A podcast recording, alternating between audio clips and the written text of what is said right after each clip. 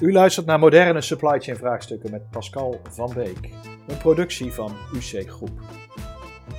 Of het nu gaat over digitalisering, robotisering, mechanisatie, duurzaamheid of customer and operational excellence. Ik als vaste moderator Pascal van Beek neem u mee samen met mijn gasten in de nieuwste trends, ontwikkelingen en inzichten. Veel luisterplezier. Uh, welkom bij alweer uh, de vierde webinar uh, over moderne supply chain vraagstukken, waarbij we vandaag stilstaan met een team van experts bij het effect van SNOP door corona, of het effect op SNOP door corona. En dat, gaan we doen met een team van experts die ik daar zal introduceren, maar voordat ik daarmee doorga, een kleine, kleine uitleg. Als het goed is, kunnen jullie in de livestream zien dat je vragen kan stellen. Die vragen die komen bij, uh, bij mij binnen, die verwerk ik. Uh, en op het moment dat dat uh, nou ja, gepast is, om het zo maar even te zeggen, zal ik die stellen. En dat zeg ik met zoveel woorden, omdat er tussen het moment dat wij dit uitzenden en dat jullie deze boodschap ontvangen, dat daar gewoon wat, wat tijdsverschil in zit. Dus het kan soms zijn er wel een paar slides verder zijn voordat, ehm, voordat de vraag binnenkomt bij ons. Dus dat, dan laat ik hem in ieder geval binnenvallen. Maar uh, jullie kunnen vragen stellen waar je dat wil. Dat zou uh, ontzettend mooi zijn. Ik uh, neem jullie eh, niet alleen mee. Ik ben slechts de moderator vandaag. Maar vandaag ehm, word ik bijgestaan door drie domeinexperts. Sander de Moerje, Peter Bol en Florian Tiemersma. Ehm, als ik zo vrij mag zijn, Sander, zou ik jou zelf mogen uitnodigen om jezelf te introduceren? Jazeker, Sander, Sander de Moerje. Um, ik ben supply chain consultant bij de UC Group sinds uh, medio 2018. Uh, daarvoor heb ik bij een, uh, een aantal bedrijven gewerkt, grote internationaal opererende bedrijven in de farma-industrie, in de orthopedie, in de gezondheidszorg, in chemie, business to business. Um, wat mij echt altijd bezighoudt, waar ik ook ben, is, is toch hoe kan ik het werkkapitaal positief beïnvloeden? Uh, en werkkapitaal zit vooral, denk in mijn ogen, heel erg vaak in het, het optimaliseren van voorraden. Uh, voorraadbeheer is daarom ook een, echt wel een, voor mij een speerpuntje. Mm -hmm. En ik zie het SNOP-proces uh, in zijn totaliteit als een heel belangrijk eh, gereedschap om, ja, om voorraadbeheer te kunnen doen. Oké, okay, helder, helder. Dan heb ik Peter Bol en uh, even voor de luisteraars. Uh, Florian en Sander zitten bij mij in dezelfde ruimte op uh, gepaste corona-afstand. Peter zit op dit moment op een andere locatie. dat is voor ons even nieuw, dus we weten niet 100% zeker of dat helemaal goed gaat lopen. Maar Peter, kan jij zelf introduceren? Jazeker. Mijn naam is Peter Bol. Ehm, opleiding IP Supply Chain, zowel in Nederland als in Amerika als in Frankrijk gestudeerd. Aan het begin altijd of werkzaam geweest in de maakindustrie. Dus altijd als supply chain manager, expert, ondersteuning in de maakindustrie. Um, dat heel lang gedaan, inmiddels 20 jaar uh, zelfstandig en uh, sinds een aantal jaren verbonden aan UC Group. Uh, supply chain is heel breed en mijn focus en mijn uh, ervaring ligt met name in de, in de planningshoek. Uh, en sales en operating planning is, uh, is al jarenlang een, een hot topic in mijn dagelijks bestaan. Helder Peter, helder Peter. 20 jaar ervaring om de tafel. In ieder geval in, verenigd in één man. Uh, de volgende man heeft uh, bijna net zoveel ervaring, zo niet meer. Dat weet ik eigenlijk niet helemaal precies, Florian. Maar uh, kan jij zelf introduceren? Ja, goeiedag. Ik ben Florian Tiemersma. Ik ben, in 1990 ben ik afgestudeerd in Delft als werktuigbouwkundig ingenieur. Ik ben afgestudeerd in de vakgroep Transporttechniek, Transportsystemen en Logistiek. En ben nu ondertussen dus ongeveer 30 jaar werkzaam in de logistiek. En de laatste tien jaar geef ik ook EPIX-opleidingen, CCP voornamelijk. En dat heeft voornamelijk te maken met SNOP. Oké, helder, helder. Zo, uh, drie domeinexperts zoals ik al zei, en die gaan ons uh, meenemen vanmiddag. Um, zij, zij, vertegenwoordigen vandaag ook uh, UC Groep. UC Groep is een interim- en adviesbureau op het gebied van supply chain en productievraagstukken. Daarbij richten wij ons als groep op een aantal hoofddomeinen, wat wij dan moderne vraagstukken noemen. Dat is digitalisering in de supply chain, mechanisatie en robotisering van, uh, van warehouse-omgevingen met name en, en productielijn-omgevingen. en eh, duurzaamheid in de keten. Eh, dat doen we met een, eh, een professional 50, eh, inmiddels zo'n 7 jaar. Eh, we zijn een relatief jonge, vitale club. Al zouden de werkervaringen van de mensen hier om de tafel dat misschien niet doen vermoeden. Ehm, maar die brengen we mee naar onze klanten. Eh, daar gaan we het niet lang over hebben, want we zitten hier vandaag over SNOP. En eh, waarom SNOP is een vraag waar Peter eh, antwoord op gaat geven. Ja, Sales and Operations Planning. Wat is dat nou eigenlijk? Het is eigenlijk niet meer en niks, niks minder als, als samenwerken. Samenwerken binnen het bedrijf, maar ook buiten het bedrijf. Samenwerken heeft te maken met, met communicatie. Dus het communiceren met de anderen binnen de organisatie, binnen de onderneming, over, eh, over, het, over het vraag en over het aanbod. Zeker in de maakindustrie. Eh, je hebt vraag van klanten, maar je moet het product ook nog maken. Nou, het proces om te zorgen dat iedereen op dezelfde manier omgaat met dat vraag en het aanbod, heet het SNOP-proces. En dat zijn de diverse disciplines binnen de organisatie. En het begint bij de directie, maar ook finance, die natuurlijk altijd de budgetten beheert, maar ook productie, die het maakproces beheert. Eh, en natuurlijk de verkoopafdeling, die niet alleen buiten, buiten speelt, maar ook eh, moet zorgen dat ze een fatsoenlijk getal afgeven over wat zij denken te gaan verkopen. Nou, daar zien we gelijk al een, eh, een klein eh, wrijvingspuntje. Want soms zijn de compensatiemodellen binnen organisaties, voor eh, salesorganisaties, nog dusdanig is dat ze extra geld verdienen op het moment dat ze meer verkopen dan dat ze ooit verteld hebben. Nou, dat is natuurlijk niet in lijn met datgene wat je eigenlijk wil. Vandaar SNOP, één nummer aan het eind, hè, consensus. Dat is Consensus. eigenlijk het verhaal. Dat, dat is eigenlijk jouw antwoord op deze centrale vraagstelling. Waarom SNOP? Consensus in de organisatie en, en daarmee alignment. Precies. Oké, dat is misschien ook een, eh, een leuk bruggetje naar de, naar de volgende slide. Ehm, Absoluut. Ja. neuzen dezelfde kant op. Eh, Sander, neuzen dezelfde kant op. Wat, wat, eh, wat bedoelen jullie hiermee? Ja, nou, dit is een, eh, een beetje een. Ja, feitelijk heb je hier een, een afspiegeling van wat er in alle bedrijven wel aanwezig is. Je zou Mhm. daar HR en eh, IT ook nog aan toe kunnen voegen. Ehm, wat wij bedoelen met neus dezelfde kant op, is dat eh, deze afdelingen met z'n allen opgezette tijden toch iets van eh, dat hele proces moeten afstemmen met elkaar. Om zeker Mhm. te weten dat, dat de klant op de juiste manier beleverd kan worden. Eh, dat bedoelen we met, eh, met neus dezelfde kant op. Ik heb een paar voorbeeldjes, twee kleine voorbeeldjes om dat te onderstrepen. Maar- Mag dan, voordat jullie verder gaan, ben, ben ik dan wel even benieuwd. Hè, Ja. van, eh, hoeveel bedrijven nou eigenlijk werken nou echt met een SNOP-proces tegenwoordig? Hebben jullie daar een beetje gevoel bij? Eh, varieert. Als je, het, als je de vraag aan Florian stelt, dan is die wat, wat enthousiaster dan ik. Ja, ik. ja, ja. Ehm, ik heb een paar ervaringen waarbij ik merk dat bedrijven wel beweren en zeggen dat ze SNOP geïmplementeerd hebben. Mhm. Maar als je dan ziet hoe de processen verlopen, dan, dan hapert het proces toch nog wel. Oké. Eh, dus de intentie is er wel, maar de, ja, de afronding is het nog niet helemaal. Er zijn ook bedrijven waar het wel goed gaat. Dat is ook Mhm. eh, absoluut een gegeven. Procentueel durf ik er niet veel van te zeggen. Florian? Ja. Ja, ik, eh, ik geef natuurlijk eh, vrij veel trainingen, eh, CCP, EPIX. En dat doe ik nu tien jaar. En tien jaar geleden, toen kwamen cursisten bij mij in de klas. En eh, die gaven aan dat ongeveer 5% op dat moment bezig was met SNOP. Oké. Als we gaan, nu gaan kijken, de laatste jaren, dan zie ik dat gewoon zeker 80% van de bedrijven bezig is met SNOP. En dat is mee bezig zijn. Dus Mhm. niet dat ze het volledige traject natuurlijk helemaal eh, in de spiezen hebben. Ja, ja. ja en, dat is, en dat is denk ik waar Sander vanuit zijn ervaring op doelt. Van, ja. Ja. ik zie dat ze ermee bezig zijn, maar er zijn nog zoveel stappen te zetten. Ja, oké, Ja. helder. Sorry dat ik je Ja. interrompeerde. Nee, geen enkel punt. Eh, Een, een fraai voorbeeld, eh, ja, toch als, als leerpunt zou ik bijna zeggen, is een bedrijf wat, eh, waar ik geweest ben. eh, waar, hè, dat opereert internationaal, Mhm. groots, eh, diverse productielocaties in de wereld. En op één productielocatie was de supply chain manager uiteindelijk door schade en schande zo slim geworden dat hij een, een schaduwplanning erop nahield. Ja. Hij onderhield het hele SNOP-proces in zijn spreadsheet. Ehm, en waarom? Ja, hij, hij zag gewoon dat het enthousiasme van de, van de commerciële kant vaak een dermate drijvende kracht had, dat de operatie daarin onder, in ondergesneeuwd werd. Ja.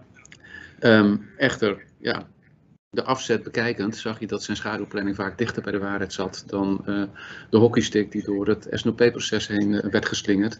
Dus de beste man is zijn fabriek gaan aansturen uh, op een spreadsheet. Ja, ja. ja. ja dat, dat kenbaar makend in de organisatie en daar geen voeding voor krijgen, mm -hmm. ja, dat is natuurlijk frustrerend. met uiteindelijk, denk ik, het result, als resultaat ja, dat je je proces niet optimaal kunt inrichten. En dat je zeer waarschijnlijk ook je customer intimacy, je, je, je orders zullen niet op de juiste manier afgeleverd kunnen worden. Je, je gaat gewoon orders missen daardoor. Je gaat orders missen. Of je hoe hebt goed de bedoeling ook is van ja. die productiedirecteur. Ja, of je kunt niet produceren terwijl je -hmm. wel denkt dat je de juiste grondstoffen hebt. Dus er zitten een, een heleboel uh, kanten en ogen, of haken en, uh, haken en ogen aan, ja. waar, het, uh, waar het op dat moment fout zou kunnen gaan. Ja. Oké, okay, helder. helder. Nou, nou nou heb jij hier, op, of hebben jullie eigenlijk op deze slide hebben jullie staan uh, alle neuzen dezelfde kant op. Dat zijn allemaal uh, afdelingen binnen het bedrijf, even, even zo gezegd. Je, je vermeldde net buiten deze boedels ook nog HR eventueel erbij en dergelijke. En terecht, uh, denk ik althans, uh, geeft een van de luisteraars aan, Marijn, SNOP kan nog beter, of kan nog sterker zijn als je het over de keten heen kunt doen. Dus ook met de voor- en achterliggende organisaties in de keten. Dat, dat is zijn mening. Uh, dat is ook een vraag ja. uh, aan, aan, jullie. Want dit gaat over het bedrijf of binnen het bedrijf. Hoe, hoe zien, jullie, zien jullie die vraag van Marijn of die stelling van Marijn? Ik deel ze. Sorry. Ja, ja uh, SNOP is bij uitstek gewoon een, zaak van collaboration tussen verschillende bedrijven. Dus dat moet je door alle bedrijven heen trekken. Als je dat niet doet, mm -hmm. je moet eigenlijk de POS-data, dus de point of sales data, moet je helemaal door de keten heen trekken naar de leveranciers toe. Dan krijg je transparantie en dan kan je gewoon echt een goed SNOP-proces optuigen. Oké, okay, helder. Dus, dus eigenlijk, jullie zijn het wel eens met die, die, die stelling van Marijn. Ja, deze. absoluut. absoluut. Super, super. Hey, en en um, nou, zijn, nou zijn jullie allemaal professionals, jullie drieën, professionals vanuit het, het supply chain werkveld. Maar het, het, proces of die neuzen, die zitten niet alleen op ons werkveld. Uh, er zit ook finance, zie ik hier op deze slide al tussen, sales, wie is nou de initiator van, van, van dat proces? En dat sluit aan bij een vraag die ik ook binnenkrijg van Arjen. Binnen een onderneming moet je eigenlijk altijd een soort van demandmanager aanwijzen. Mm -hmm.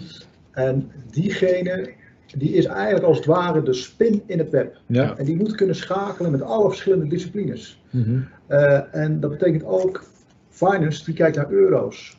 Logistiek kijkt naar stuks. En uh, sales kijkt ook weer op een andere manier naar cijfers.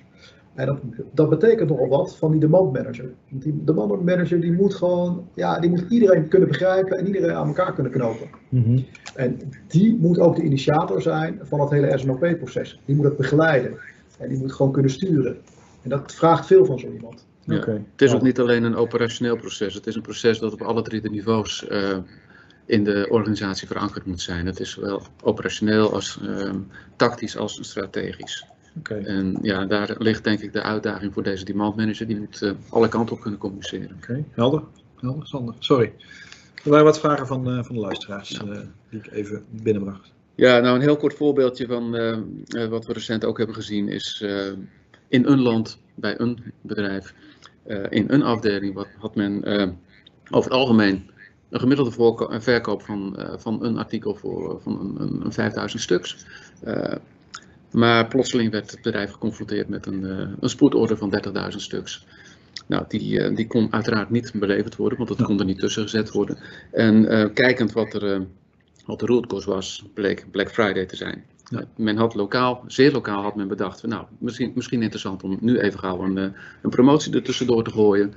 En ze hadden het helemaal in het land, hadden ze het allemaal afgestemd. iedereen stond klaar om die 30.000 stuks te ontvangen. Echter, lege vrachtwagens. Ja. En dat is ook een, een, een mooi voorbeeld, denk ik, van ja, als je dit autonoom doet en je deelt het niet met anderen, ja, dan, dan stropt het proces per definitie. Ja, ja helder. helder. Dus dat, is, dat, is, dat is wat, uh, wat intro, zou ik maar zeggen, ja. op, op nou ja, de neuzen dezelfde ja, kant precies. op. Ja. Um, om, om context te geven aan uh, de impact van corona op SNOP, uh, hebben jullie ervoor gekozen om even door het SNOP-proces te lopen. Een deel van de luisteraars zal het wellicht uh, al kennen. Ja. Een ander deel zal het misschien wat, wat nieuwer voor zijn. Maar het is denk ik wel belangrijk om dadelijk te duiden wat nou de impact is en hoe je daarmee om kan gaan. Dus daarvoor geef ik graag even het woord aan, aan Florian om, om de luisteraars even doorheen, daar doorheen te helpen. Ja, wat we hier zien is de monthly SNOP-cycle. Uh, SNOP bestaat meer dan alleen maar die maandelijkse SNOP-cycle. Eigenlijk begint het al met de strategische planning, volgens business planning. Dan krijg je SNOP, NPS, MRP en uiteindelijk komen we uit bij de operatie. Mhm. En op al die niveaus, als een soort cascadering, heb je natuurlijk planningsissues en ben je bezig met planning. Nou, als we dus eigenlijk alleen de SNOP-cycle eruit lichten, dat is een maandelijkse cyclus over het algemeen, dan zien we in stap 1 dat we voornamelijk data gaan verzamelen uh, van supply, inventory, uh, sales, marketing. En uiteindelijk kunnen we daar een statistical forecasting uit gaan uh, maken. En die statistical forecasting die zetten we door naar stap 2. En dat is de demand planning meeting. En daar zitten voornamelijk de account managers, sales managers zitten bij elkaar. En die hebben natuurlijk op die statistical forecast kunnen ze hun, hun zaken zetten waarvan zij zeggen van daar weten wij meer van dan alleen de statistical, de historische gegevens. Mm -hmm. Dus je breidt als het ware de statistical forecast breid je uit naar management forecast. Als je die management forecast hebt, dan weet je wat je de komende maand, maar ook de maanden daarna gaat doen. En dan gaan we naar stap 3 en dat is de supply planning. Dan gaan we naar de operatie en dan gaat de operatie gaat uh, aangeven of we, zij deze management forecast kunnen realiseren in de komende tijd. Nou, daar komen allerlei constraints naar boven, bottlenecks, en die moeten opgelost gaan worden. Uh, uiteindelijk zou je weer terug kunnen naar de management forecast om die aan te passen, maar over het algemeen is dat eigenlijk een doodzonde, doe je dat niet. Die management forecast is wat het is. Mm -hmm. uh, als de constraints helder zijn en we hebben ze opgelost, bijvoorbeeld extra uh, externe ingehuurd of externe leveranciers ingehuurd om het voor elkaar te krijgen of afschalen. Het is maar hoe je het bekijkt. Dan gaan we naar de laatste meeting, of de ene laatste meeting, dus de pre-meeting. En dan zetten we de, uh, de sales en de supply bij elkaar en proberen we de conflicten zoveel mogelijk op te lossen. Dat proberen we ook echt op dat niveau te doen. Als er alles duidelijk is, dan gaat het naar de directie en die geeft er nog een keer een klap op. Oké. Helder. Dus dat is de, dat is de hele cyclus. En um, net, net, was al de vraag gesteld, ik, ik, zie behoorlijk wat engagement in vragen en antwoorden. Dus ik, ik, ik ga dadelijk misschien nog een uitdaging hebben om alle vragen hierin te positioneren. En ook nog binnen een uur uh, alles af te ronden. En ook nog iedereen tevreden stellen met uiteindelijk het onderwerp wat met corona. Dus ik, ik doe mijn best, beste luisteraars. Uh, anders zal ik zorgen dat die vragen naar de hand worden beantwoord door de experts. Dat ze jullie contacten kunnen of een tweede uurtje. Maar er is een, enerzijds de, de, de vraag uh, vanuit Lars, maar ook vanuit Peter. Uh, vergelijkbare vraag, je had het net over uh, wie initieert het, wie is de eigenaar van het proces. En de ene hier die zegt van ja, de, de demand, ja. wat zei je net? De, de, de manager. De demand manager. dat geef jij aan. Hier zegt men ja, maar sales is toch leading in dit proces. En de ander zegt nee, de VP Operation en Supply Chain is leading. Er zijn blijkbaar meerdere lezingen in de markt. Uh, de, wat ik zo net ook al aangaf, dat het belangrijk is dat we in ieder geval iemand hebben die met alle verschillende partijen goed kan praten en alle partijen goed begrijpt. Mm -hmm. Dus het moet er eigenlijk een onafhankelijk iemand zijn. Ja. Mm -hmm. En echt een regisseur. Ja, ja. en ik deel de mening van Florian dat het, uh, dat het eigenaarschap. En hoe bij, je dan die man bij uh, de het naamje geeft, of er nou de manmanager ja. is of wie, wie, dan ook, dat Mhm. maakt eigenlijk niet zoveel uit. Oké, oké, okay. helder. Maar een interessante vraag zou ook kunnen zijn van wie de voorraad, wie de voorraad uh, eigenaar is, maar dat is een andere vraag. Oké, okay. ik, uh, ik hoor dat Peter nog even inbreekt, die zien we natuurlijk niet, maar ik hoor hem wel. Peter? Ja, er is een verschil tussen eigenaarschap en, en organisatiecoördinatie. Uh, Vaak is het zo dat de demand manager of de demand planningsmanager een fulltime resource is die zich bezighoudt met het luisteren en het voorbereiden en het uitwerken. Maar de echte eigenaarschap ligt natuurlijk altijd bij die directie. Die directie is uiteindelijk verantwoordelijk voor alles wat daar gebeurt onder die tent. Ja, He? helder. Ik wil er nog even op inhaken. Dit is natuurlijk een maandelijkse cyclus. En ik wil nu even weer teruggrijpen naar de corona. Uh, de corona die ontwikkelt zich zo snel dat we eigenlijk gewoon met deze maandelijkse cyclus gaan we de corona gaan we dus uh, ja, niet oplossen. Dat is een enorme uitdaging inderdaad. Dat is een uitdaging. Kijkt wat er nu da iedere dag op ons afkomt, of meerdere ja. keren per dag. Ja. Dan, uh, dat gaan we niet oplossen met deze maandelijkse cyclus. Aha, helder. helder. Maar wat, wat, wat, ja, wat creëert corona dan voor onduidelijkheden? Hè? Dus uh, wat, wat zie je dan die impact hebben op die, uh, die maandelijkse cyclus of op OSNOP in de breedste zin? Ja, nou wat je creëert, dat is eigenlijk een klein beetje wat, we, wat je hier ziet. De emotie over ratio, die, die is blijkbaar belangrijker geworden. We weten niet goed meer wat, uh, wat mensen doen. Het is niet meer voorspelbaar. Ja, het hamsteren daarbij, en daar zijn we natuurlijk allemaal, hebben we gezien wat, er, wat dat allemaal voor effect zou kunnen hebben. Um, het standaard leven is eigenlijk een klein beetje van slag af. Hè? Dat klinkt een beetje, ja, een beetje breed, maar daar komt het wel op neer, ook ja. in het bedrijfsleven. Ja. We, hebben, we hebben hele mooie voorbeelden die dit plaatje kunnen ondersteunen. Ik denk dat een, iedereen de krant wel gelezen heeft wat er momenteel in Rusland gebeurt. De, de rijke elite koopt voor zichzelf beademingsapparatuur. Mm -hmm. Ja, het is in mijn ogen hamsteren 2.0. Het is een, een, een, je snapt het niet, maar het gebeurt wel. Uh, ander voorbeeld is dat wat er op dit moment uh, breed in het nieuws is dat Philips dolgraag zijn productiecapaciteit voor beademingsapparatuur wil, uh, wil uitbreiden in Amerika. En dat president Trump in al zijn wijsheid een, een, een, wet uit 1950 heeft afgestoft. Die verordeneert dat producten die in Amerika op Amerikaans grondgebied gemaakt worden, het land niet meer uit zouden mogen. Ja, dat zou, daarvan zou je bijna kunnen zeggen Amsterdam 3.0.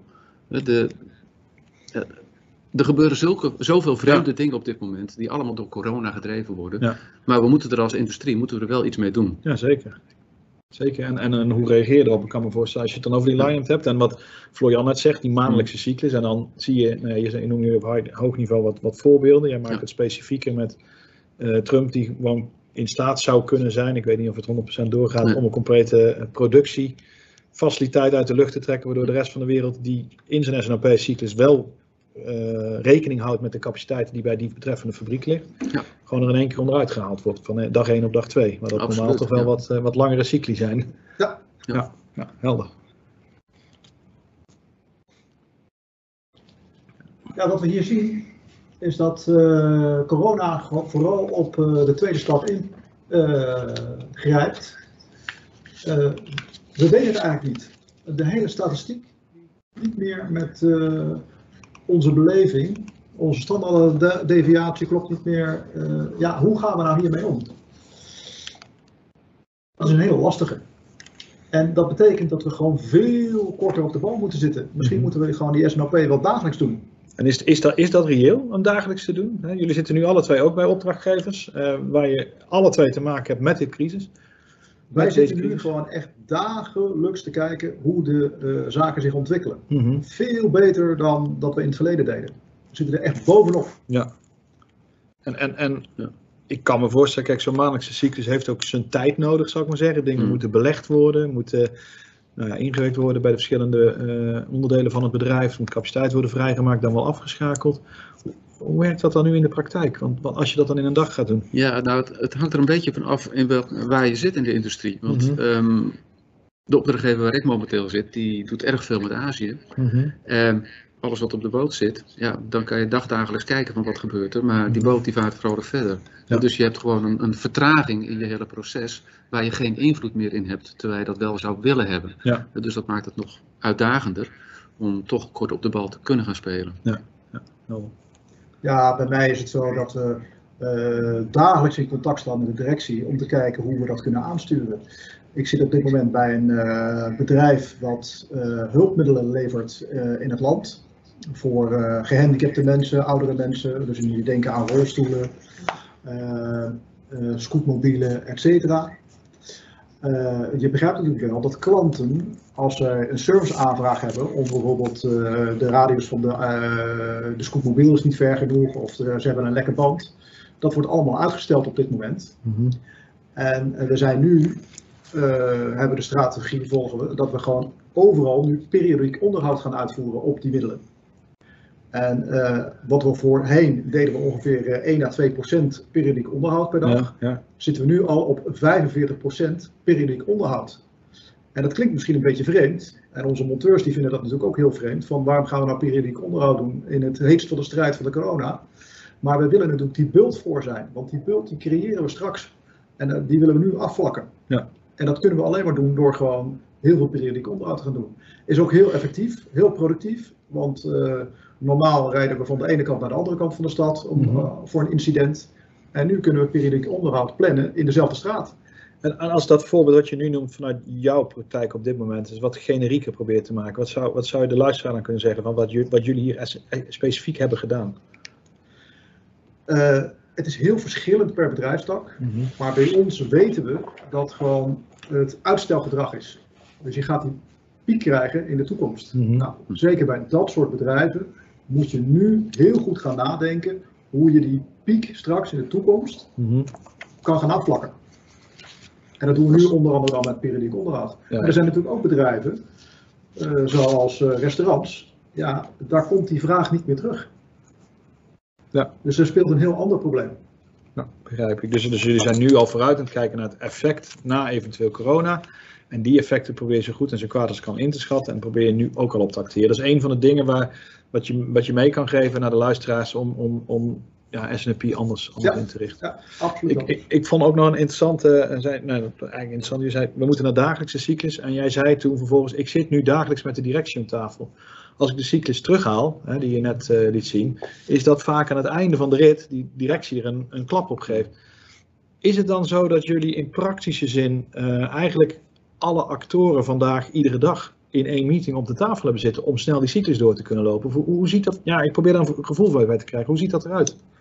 Wij krijgen nu elke dag krijgen we door wat gewoon eh, de sales is geweest eigenlijk. Want hoeveel calls zijn er binnengekomen in het callcenter? Eh, hoeveel leveringen hebben we gedaan? Hoeveel serviceopdrachten? En, en dat deden we in het, eh, voor de coronacrisis. Ja, daar Mhm. stuurde je dan wekelijks of maandelijks op. Maar nu zit zitten we daar bovenop. Oké, helder. Pascal? Ja, Peter. Ja, wat je dus eigenlijk ziet is dat je de S&P-cyclus, die trek je even weg van het strategische en het tactische niveau. En je gaat voor 80, 90 procent ga je je tijd besteden met z'n allen aan het operationele. Omdat je zo snel moet schakelen en niet weet wat er gebeurt, trek je hem eigenlijk in zijn volledigheid naar het operationele niveau toe. Ja, Klopt. Helder. Helder, ja, dat, dat, dat, dat begrijp ik inderdaad. Je gaat meer operationaliseren op korte termijn. Ik krijg, ik krijg een vraag bij van Inge, die ga ik proberen voor te lezen, omdat ik hem in de snelheid, terwijl ik luister en, eh, en lees hem niet helemaal vat. Maar luister je met mij mee. Eh, het grijpt in op de executie en op de SNOP. In executie moet je dagelijks binnen bandbreedte kunnen ingrijpen. Fair share, zegt ze dan. En op de maandelijkse cyclus zul je moeten kijken wat de echte vraag is. Bijvoorbeeld mandkapjes, die zijn, echt, zijn die echt opgebruikt? En wat normale voorraadopbouw is. Er zit niet echt een vraag in als ik het zo lees, maar voel je wat Inge probeert te zeggen? Ja, Ja, ik ben het wel met u eens. Ja, klopt. Maar het is, het is, niet echt een vraag. eh. Nee, nee, maar kan, kan je hem dan voor mij even rephrasen? Zodat, eh, want ik, ik, misschien ligt het aan mij, maar ik heb hem dan niet 100%. Maar gewoon, Mm. Kun je wel wat van zeggen, Sander? Nou, wat ik denk dat ze bedoelt te zeggen is dat, eh, dat je wel degelijk eh, je historie moet kunnen blijven gebruiken om, om, om zeg maar, je getallen zo zuiver mogelijk te hebben. Ja. Eh, dat is wat je normaal gesproken doet. De, de- het hele voor, Mhm. is vooral gebaseerd op je statistische extrapolatie van het verleden. Mhm. En momenteel wordt die, wordt die, die sales, die wordt natuurlijk, die verkoop, die wordt zwaar beïnvloed door het, het ja, onvoorspelbare gedrag van de mens. Ja. Ehm, en daar willen we natuurlijk op termijn willen we wel weer terug naartoe. Ja. Om, om toch de, zeg maar de, de uitzonderingen, eh, om de, de, de ruis in die data, om Mhm. die zoveel mogelijk te kunnen elimineren. Zodat je weer snel terug kunt naar, eh, naar een normale situatie waarbij de statistische forecast verrijkt met eh, marktkennis gebruikt kan worden. Oké, Ik denk dat dat de achtergrond is van wat Inge bedoelt. Nou, helder, helder. Dan, dan voel ik hem beter. Dank, dank Inge voor deze eh, stelling, vraag. Jij wil. An- andere, want ehm, die, die vind ik wel interessant. Die, ra- die raakt direct op jouw verhaal, ehm, Florian. Die is van Henry, eh, Henry Golleman. Als je SNOP dag dagelijks gaat uitvoeren, heb je het dan nog wel over SNOP? Of ga je dan juist meer richting pool-aansturing? Waarbij je uitzoekt waar je welke delen in ieder geval op tijd, op tijd zijn voor je productie. Nou, dit sluit heel erg aan bij onze volgende slides. Eh, dat klopt. Wil je dat ik daarheen ga naar die volgende slide? Ja, we kunnen wel naar de volgende slide. Ja. Eh, we eerst nog even het opslingereffect. Ja, Ik kan wel heen en terug hoor. Ja, Die of, komt- of dat je de, eh, deze ik kan eerst we. wel even deze behandelen, maar we Ja. komen daar later op terug, op die vraag. Ja. Oké, dat is goed. Eh opslingereffect zien we nu, natuurlijk nu heel duidelijk ontstaan. eh, omdat we gewoon te maken hebben met opeens hele hoge vraag of een, opeens een hele lage vraag. Eh, en dat gaat heel veel opslingereffecten in de keten veroorzaken. Zeker als we gewoon eh, dat niet sluitend hebben. Eh, die keten. Eh, wat we nu zien is bijvoorbeeld dat gewoon de minister die heeft gewoon eh, 2000 beademingsapparatuur besteld. Nou ja, ik heb het gevoel dat die pas binnenkomen op het moment dat de coronacrisis voorbij is. Ja, dan heb je opslingereffecten, af, eh, weer, dan moet het weer afbesteld worden. Eh, ja, dat is gewoon geen ideale situatie. Ja. En eh, hoe gaan we die opslingereffecten die nu gaan ontstaan, die moeten we zoveel mogelijk gaan platslaan. Want eh, onze statistische modellen en onze voorkastmodellen zijn hier wel op gebaseerd. Ja. Dus we krijgen nog heel veel werk straks, na de coronacrisis, om deze opslingereffecten Uit te te gaan beheersen. Oké, ja, te, te, te mitigeren uiteindelijk, of Ja. hoe noem je dat? eh? Ja. maar, maar nu acteer je erop, Ja, nu probeer je daar zoveel mogelijk op te acteren. dat wel. Klopt. Ja. Ja. En proberen te kijken in hoeverre het eh, dus gedreven wordt door een, eh, een onverwachte vraag. Ja. Eh, dat is natuurlijk heel erg lastig. Maar als je het in de bron kunt dempen, ja, dan blijf je zo dicht mogelijk bij wat, eh, ja, wat, wat de systemen voorspellen. En, en, en hoe doe je dat dan, een opslinger-effect eh, interpreteren? Nou, ik, ik, ik denk als ik een paar weken terugkijk, eh, toen, toen waren de, de wc-rollen niet meer aan te slepen. Hè, dat Mhm. was van de een op de andere dag dat heel Nederland eh, begon te hamsteren. Toen is er vanuit de overheid is er gewoon echt knalhard aan gecommuniceerd. Mensen, doe het alstublieft niet. We hebben genoeg, ook de hele supermarkten die werden leeggeroofd. Overheid, media werd daar hard in gebruikt om mensen tot een normaal gedrag terug te brengen. Mhm. Ehm, ik denk dat dat gelukt is. Hè, want we hebben wel een, een, een paar dagen hebben we de hectiek gehad. Eh, nog steeds zien we op sommige punten wel dat er, eh, de, de, de, de harde pasta's nog niet altijd vo- voorradig zijn. Ja. Maar supermarkten draaien toch gewoon door. Dus ik denk dat je wel degelijk, als je het kunt aanzien komen, dat je daar proactief op kunt acteren. Ja. dat, ik vind, dat vind ik wel een mooi voorbeeld hoe, het, ja, hoe ze daar wel mee omgegaan Dus zijn. in, in dit voorbeeld geef je aan dat het bedrijfsleven wellicht een signaal heeft afgegeven naar de overheid van help ons mee om dit te tempen. Want we hebben als hele sector daar een probleem Ja. in. Een hele supermarktketen en een hele, de hele keten, de hele belevering leidt. Ja, eronder. zou goed kunnen. Ja. ja, ja, helder. Ja, dat, eh, Ja, wat kunnen we doen? Nou, deze vind ik eigenlijk wel heel leuk. Eh, dit gaat eigenlijk over hoe kijken wij in de keten en hoe kunnen we nou dat opslingereffect zoveel mogelijk naar beneden krijgen. Mhm. En dit gaat over visibility. Als je visibility die vergroot, als je de POS-data, dus de point of sales data, helemaal door kan trekken door de keten naar de leverancier, eh, dan krijg je visibility. En eh, het gaat hier ook over, over snelheid. Als je snel kan leveren, dan uh, dat is, heeft ook een positief effect. En dan gaat uiteindelijk je variability gaat naar beneden. En dat, om maar weer even het voorbeeld aan te halen van, die, van het wc-papier. Bij het wc-papier hadden we geen visibility. Dus die klant die denkt, die schappen zijn leeg, dus we gaan gelijk een schap uh, weer opnieuw die wc-papier uh, inslaan. En we hebben allemaal gezien dat gewoon uh, een van de voorkrachtchauffeur in een magazijn reed met wc-papier. Ja. En dat geeft al een stukje communicatie en visibility, ook naar die eindklant, van er is genoeg wc-papier. Maar ja, dan vraag je je vervolgens af, waarom doen we dan niet die snelheid? Waarom rijdt er maar één vorkheftruckchauffeur rond in dat magazijn? Nee, je moet gewoon daar tien vorkheftruckchauffeurs gaan rondrijden om die snelheid weer uh, voor elkaar te krijgen. Zodat je die variability weer naar beneden gaat. Dat vind ik wel grappig. Bij visibility denk ik als supply chain expert te weten waar welke voorraden liggen in de keten, maar jij slaat het verder. Het filmpje van een chauffeur in dat warehouse geeft zichtbaarheid aan de eindklant ja. om het opslingereffect te... Ja, absoluut. Ja. Ja. Dat is ook visibility. Heeft er zeker bij bijgedragen. Ja. En, en om dat opslingereffect uh, uh, nog meer af te dempen, dat is een vraag van Harald Leners. Uh, vanwege zien we dan ook mogelijkheden voor demand shaping? Mij zegt me dat niks, maar jullie zijn expert hier. Ik hoop dat jullie daar iets mee kunnen. Ik zou graag daar wat meer een, een toelichting op willen hebben, want mij zegt het ook niet zoveel. Oké, okay, dat, dat, is een, dat is een lastig voor dit ja, gremium. Dan, ja. dan, nodig ik Harald uit om, om zijn vraag uh, ook offline een keer te stellen. Uh, maar desalniettemin wel bedankt voor je, voor je vraag. Nee.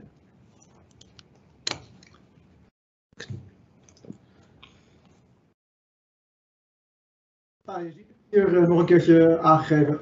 zichtbaarheid in de keten en snelheid. En eh, dat geeft uiteindelijk minder opslingereffecten. Helder. Ja, Peter, kan jij hier wat over vertellen? Nou, Peter is, uh, ik zeg al, het zal misschien een technisch issue zijn. Sander Ja. of, uh, of Florian, kunnen jullie dit uh, inpakken? De snelheid in het te... Oh, Peter staat op. sorry. ja. Nou ja, doe normaal is natuurlijk nu wel eventjes een, eh, een mooie kreet hierin. Wat wij hier eigenlijk mee bedoelen, is het niet alleen normaal doen eh, naar elkaar toe en naar eh, hamsteren toe, maar ook ehm, eh, in je behandeling van je processen en van je systemen. Bijvoorbeeld, het heeft nu helemaal geen zin om die levertijd in dat systeem te gaan verlengen. Ook al is de actuele levertijd eh, langer dan normaal, door allerlei redenen, mo- moet je nu niet die levertijd in het systeem, want dan ga je meedoen aan het opslingereffect. Mhm. Hè, dus de parameters waaronder je de berekeningen uitvoert, hè, in die hele keten, daar moet je gewoon eventjes van afblijven. Daar moet je niet nu eh, aan gaan lopen eh, sleutelen.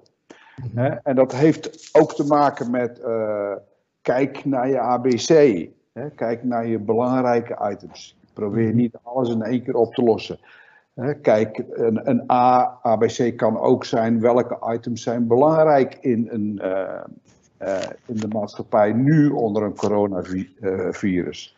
Hè, kijk naar je bestelhoeveelheden. Ga daar geen hele grote getallen erin gooien. Hè, die 2000 van de overheid, dat is gewoon eigenlijk een verkeerde reactie.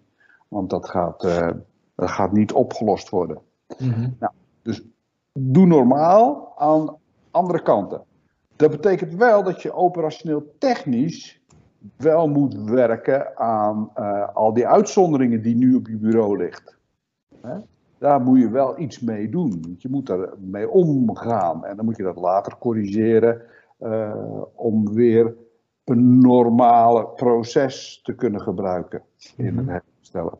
Ja, ja. Dat is eigenlijk de bedoeling. Ja, het is, het is heel lastig, maar je hebt te maken natuurlijk met heel veel excepties op dit moment.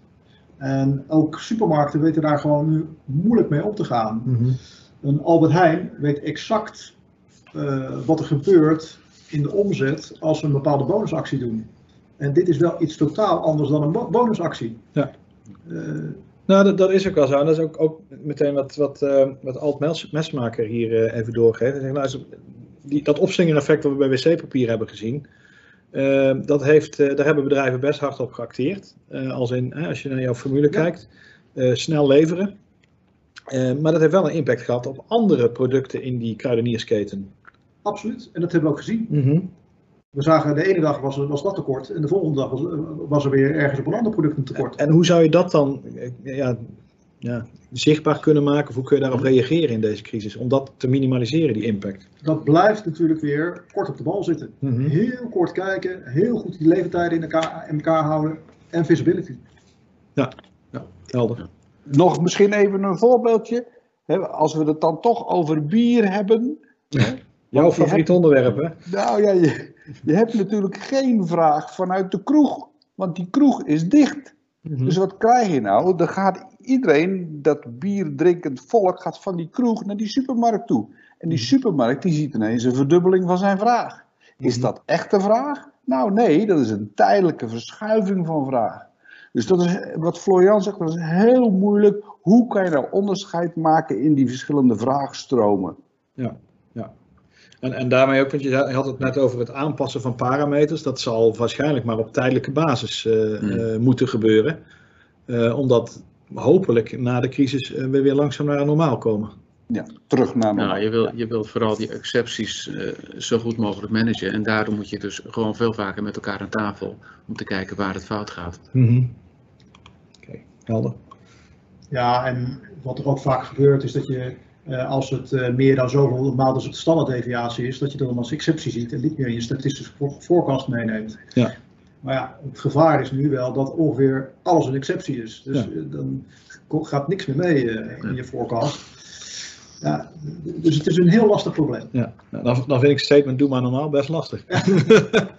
Oké. Dat klopt. Ja, we hebben ook een beetje over zitten dubben. Ja. Eh, we gooien hem wel in de groep ja of nee. Ja. Maar we dachten van ja, het is toch wel belangrijk om, eh, om te melden. Ja. En dan gaat, ja, hij gaat ook wel een beetje hand in hand met, eh, met, met dit statement, kort op de bal. We hebben het er al een paar keer over gehad. Mhm. En we zullen gewoon veel, veel frequenter, hè, wat, wat Florian ook vertelde, hij zit iedere dag tegenwoordig aan tafel met, met de, de key stakeholders. Mhm. We zullen veel frequenter met elkaar naar de, naar de hele keten moeten kijken om de, de effecten van wat er momenteel buiten de deur gebeurt Mhm. zo goed mogelijk in te schatten. Helder.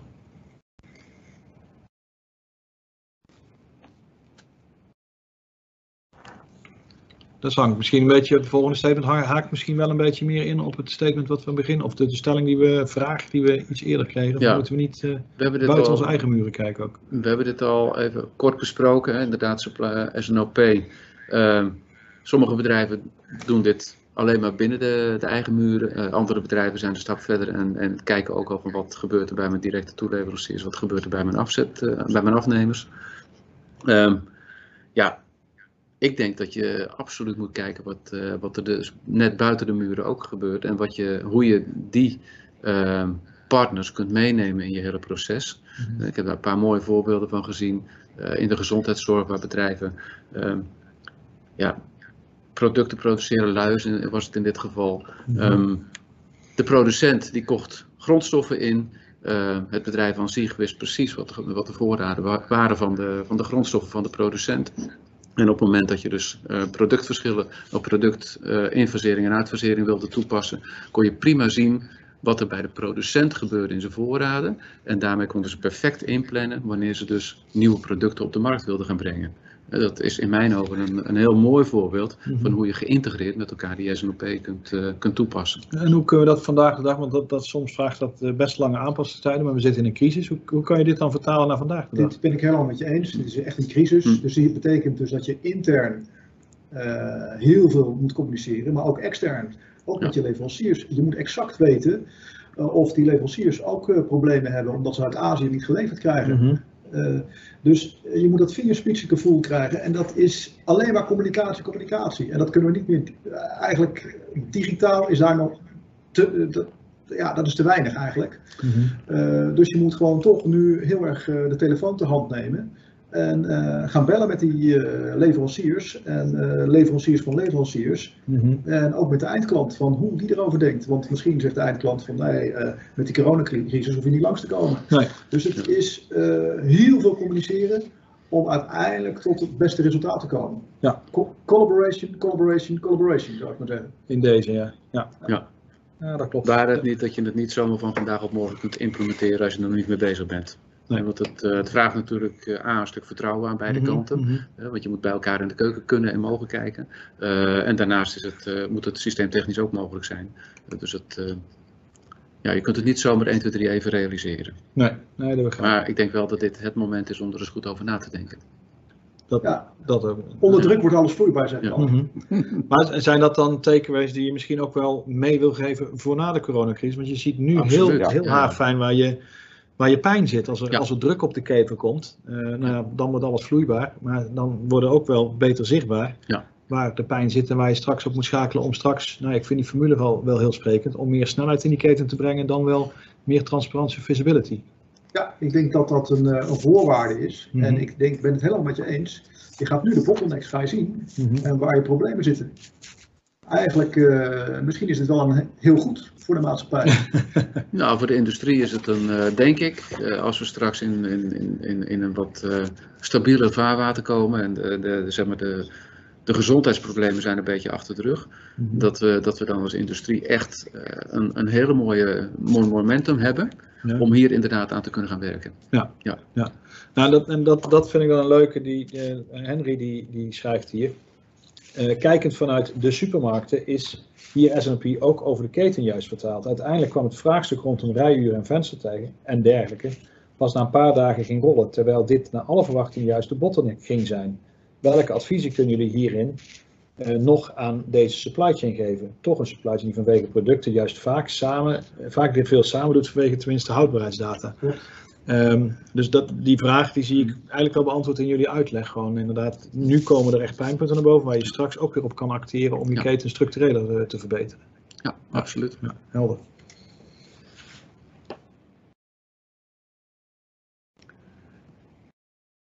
Ja, hier hebben we het ook al een paar keer over gehad natuurlijk. Hè. Eh, we hebben Trump en Poetin zijn beide we hebben de, de revue gepasseerd.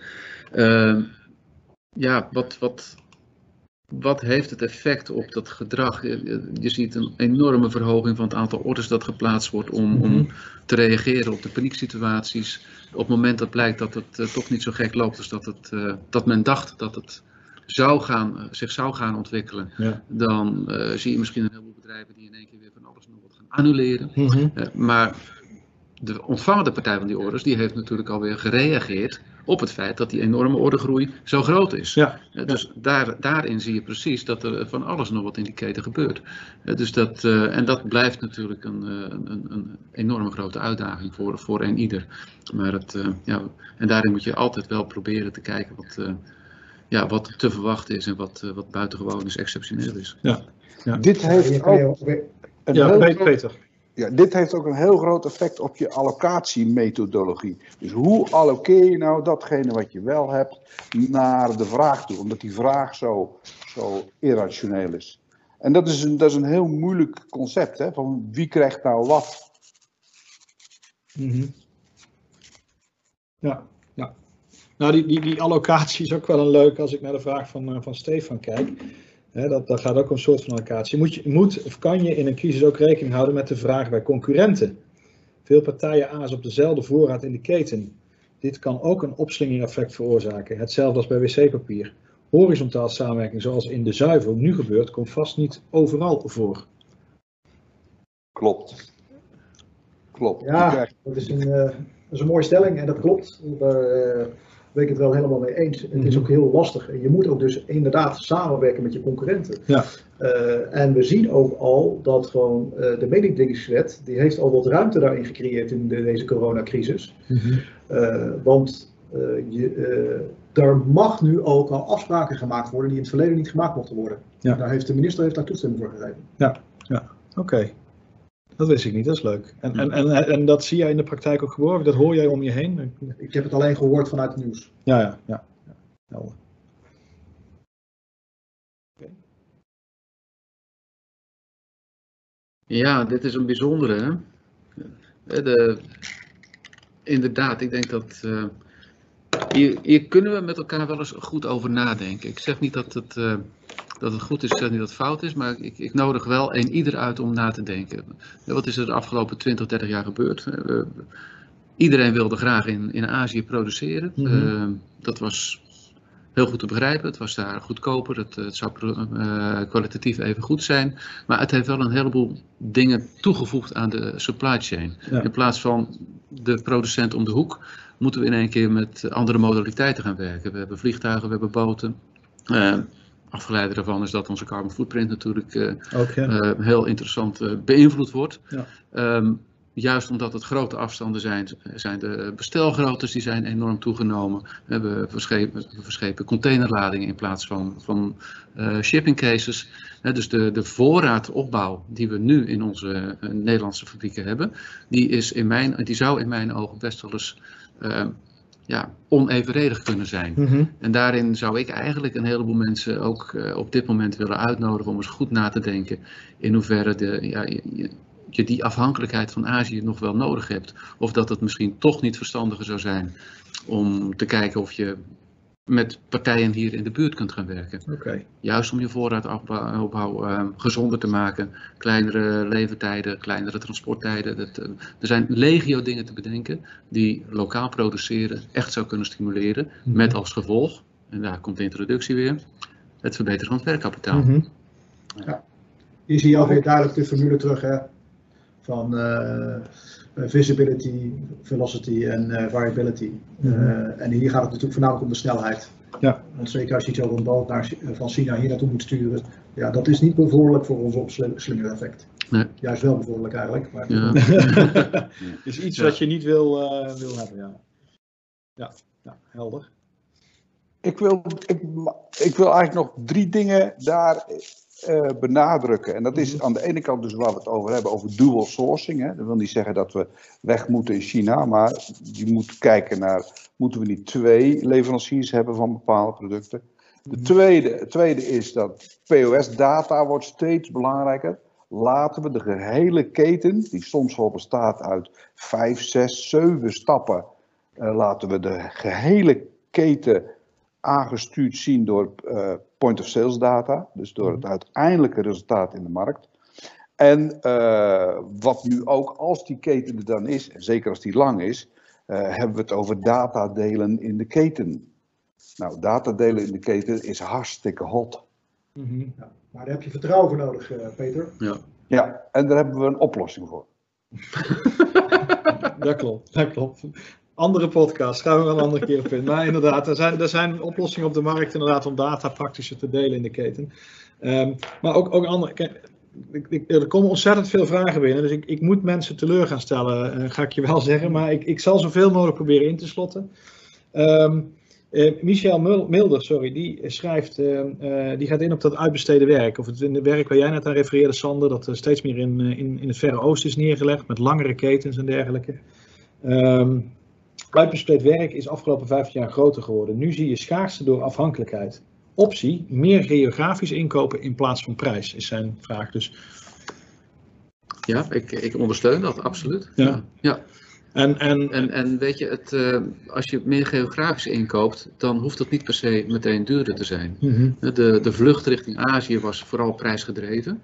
Maar ik denk als je, als je dat macro bekijkt, en, en, zeker met het feit dat je dus grote volumes moet inkopen, dat mm -hmm. uh, ja, de, de, absolute getallen, die, die, ja, ik denk dat het elkaar best wel zou kunnen ondersteunen. Ja. Dus ik, ik, ondersteun, ik onderstreep zijn, uh, zijn stelling zeker. Ik, ik, ik, ken dat persoonlijk ook vanuit Ja. de fysieke logistieke wereld, wat meer Mm. mijn achtergrond is voor de luisteraars.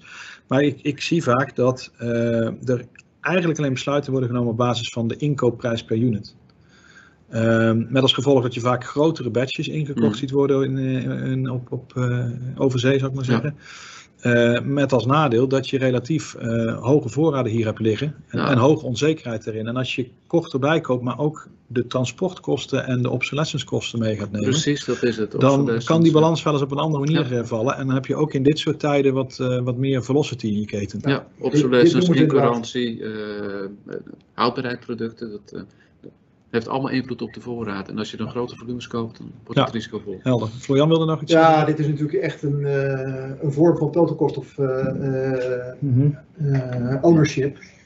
Eh, dat heet de term dat je gewoon goed bekijkt, dat je alle kosten in beeld brengt. En wordt ook wel genoemd met landed costs. Eh, zo heet het ook wel. Ja. En die moet je heel goed bekijken. En zeker in, met dit soort risico's zou het best wel eens kunnen, interessant kunnen zijn om het gewoon eh, ja, local te sourcen in plaats van eh, overzee. Ja. Eh, hebben dat soort landed cost calculaties een plek in, het SN in de SNOP-cyclus? Want daar zit wel procurement in bijvoorbeeld. Jazeker. Ja, ja, ja, absoluut. ja. Maar bedrijven moeten er dan wel eh, van, bewust van zijn. Mhm. Want eh, zeker de inkopers, ja, die willen voor een dubbeltje op de eerste rang. En die, die kijken wat minder kritisch naar de landed kosten. Eh, al- en als we naar die, die, die kosten kijken, dan ga ik een beetje een andere kant op, eh, zou ik maar zeggen. Dan eh, is in deze crisis, eh, om even met Arjen te spreken die een vraag stelt, is cash management natuurlijk ook belangrijk en wordt ook belangrijk in SNOP. Buiten kijf. wat, wat, wat, kan je, wat kan je daarvan zeggen, zou ik maar zeggen? Wat, wat gebeurt er op dit moment als je naar cash management kijkt en hoe kan SNOP daarin helpen dan wel? Nou, van- vanuit mijn perspectief, eh, kijk, als een inkoper ze- eh, enkel en alleen eh, kijkt naar de- optimale eh, inkoop, dan kan het best zijn dat je dus veel te veel moet inkopen. Het is net Mhm. wat je zelf al aangaf, eh, kost per unit is dan drijvend. Ja. Ehm, met als gevolg dat je enorme voorraadkosten hebt. Wat vele bedrijven vergeten, is dat het hebben van voorraad toch nog wel geld kost. Eh, en dat, is het, eh, ja, dat wil je natuurlijk zo laag mogelijk uitgeven, of zo min mogelijk uitgeven. Ik denk als men zich de moeite getroost om eens goed door te rekenen wat er op dit moment binnen het bedrijf gemiddeld op voorraad ligt, Mhm. in waarde.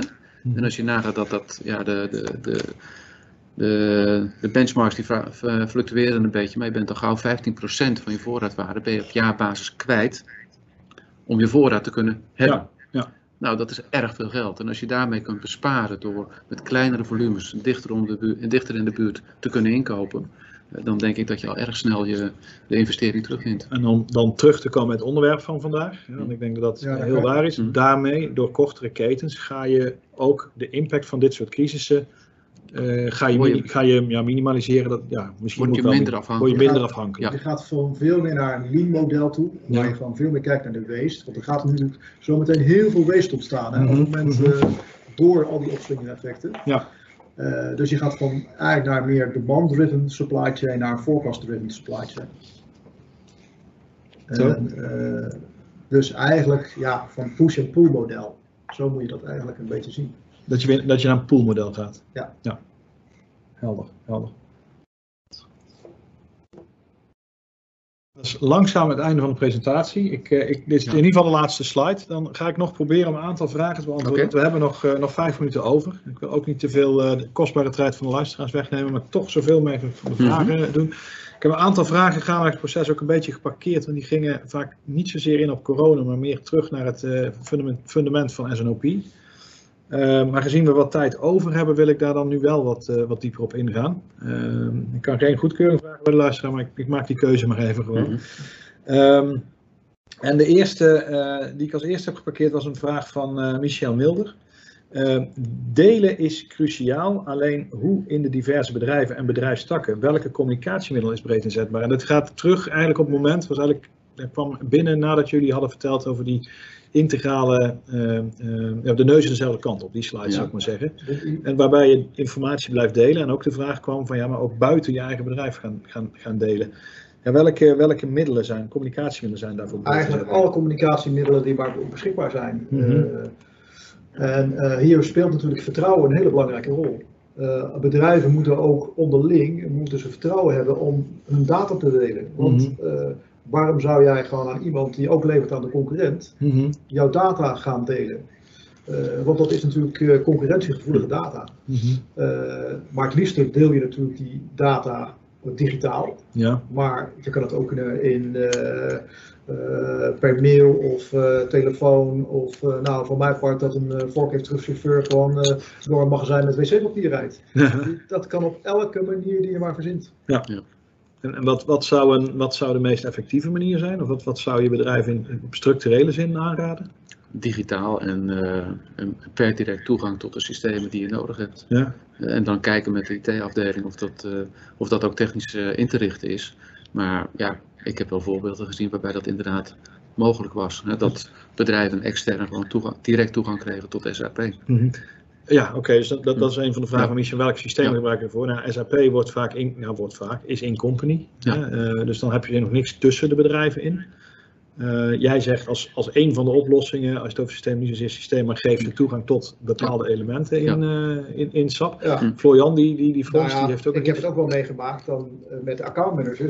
Dan zegt de accountmanager van, mijn klant wil gewoon zijn forecast niet delen met mij. Ik zeg, ja. nou, ik heb wel een oplossing daarvoor. Dan delen wij gewoon onze forecast, wat hij denkt, wat, wat er gaat gebeuren in de keten. En dan stuur je een mooi plaatje toe van, volgens mij wordt dit jouw forecast. Ja. Nou, ze krijgen nooit antwoord, maar dan hebben ze binnen een uur hebben ze antwoord. Ja, ja.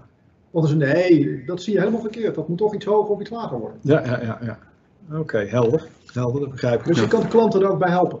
Ja. En ook leveranciers daarbij helpen. En, en, en, systeem, en systemen uh, als, als uh, control towers, dingen die je nou vaak hoort, om, om informatie over leveranciers en de, de status van de goederen uh, te weten en te delen over verschillende participaties. Zien jullie dat veel terug in, in de bedrijven waar je werkt? ik zie het nog heel erg weinig ja. gebeuren. En dat komt omdat gewoon uh, eigenlijk binnen bedrijven heb je natuurlijk uiteindelijk een CEO die, de, die uh, eindverantwoordelijk is. Mm -hmm. Maar er is niemand eindverantwoordelijk over de hele keten. Nee. Het zijn allemaal losse uh, bedrijfjes met hun eigen objectives, hun eigen strategische doelstellingen, die eigenlijk niet op elkaar afgestemd zijn. Dus eigenlijk ga, ga je suboptimalisatie creëren en daar ook door opslingereffecten. En eigenlijk moet je iemand hebben uh, een control tower die dat totaal overzicht heeft en uh, aangeeft hoe je om moet gaan in de keten met de data en met uh, andere zaken. Oké, okay.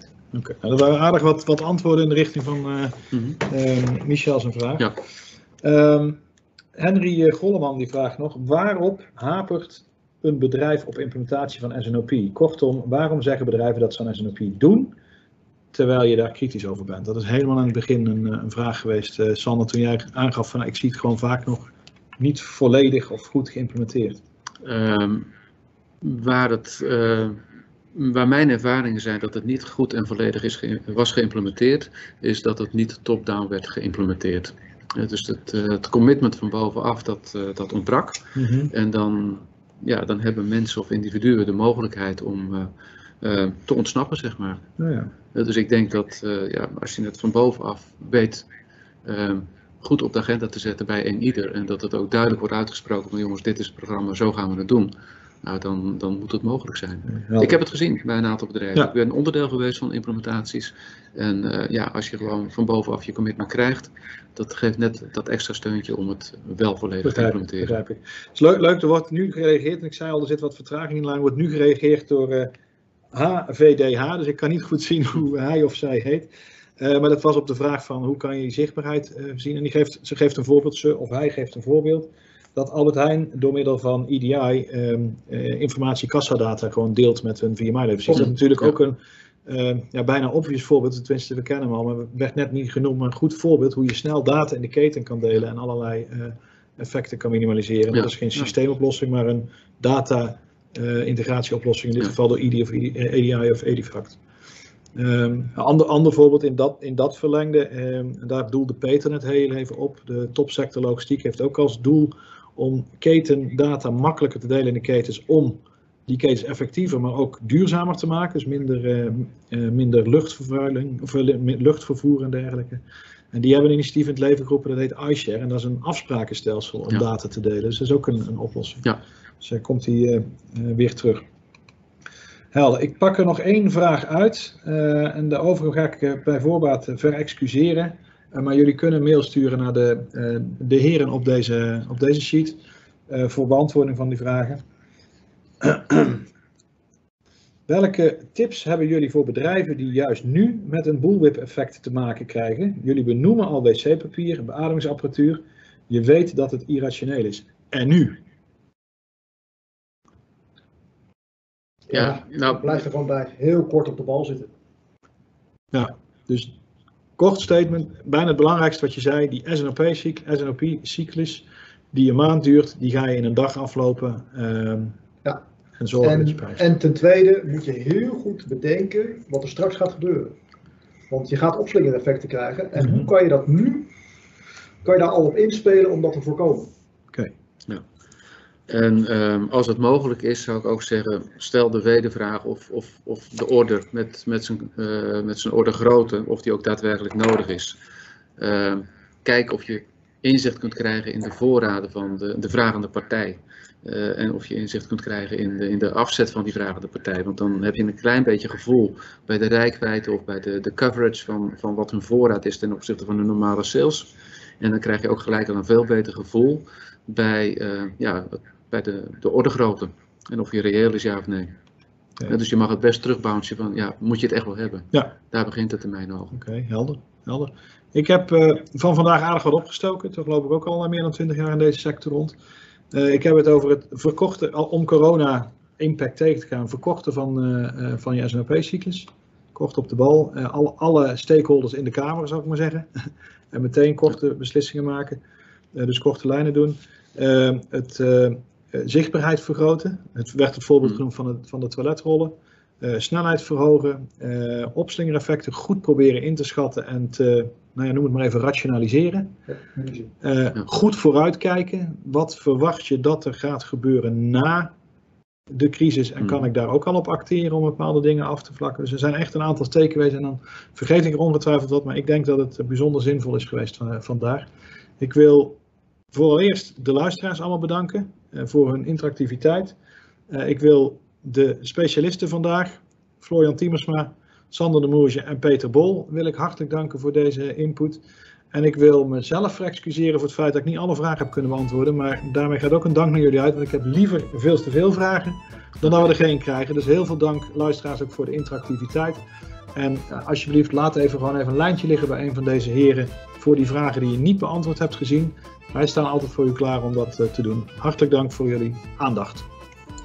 Graag gedaan.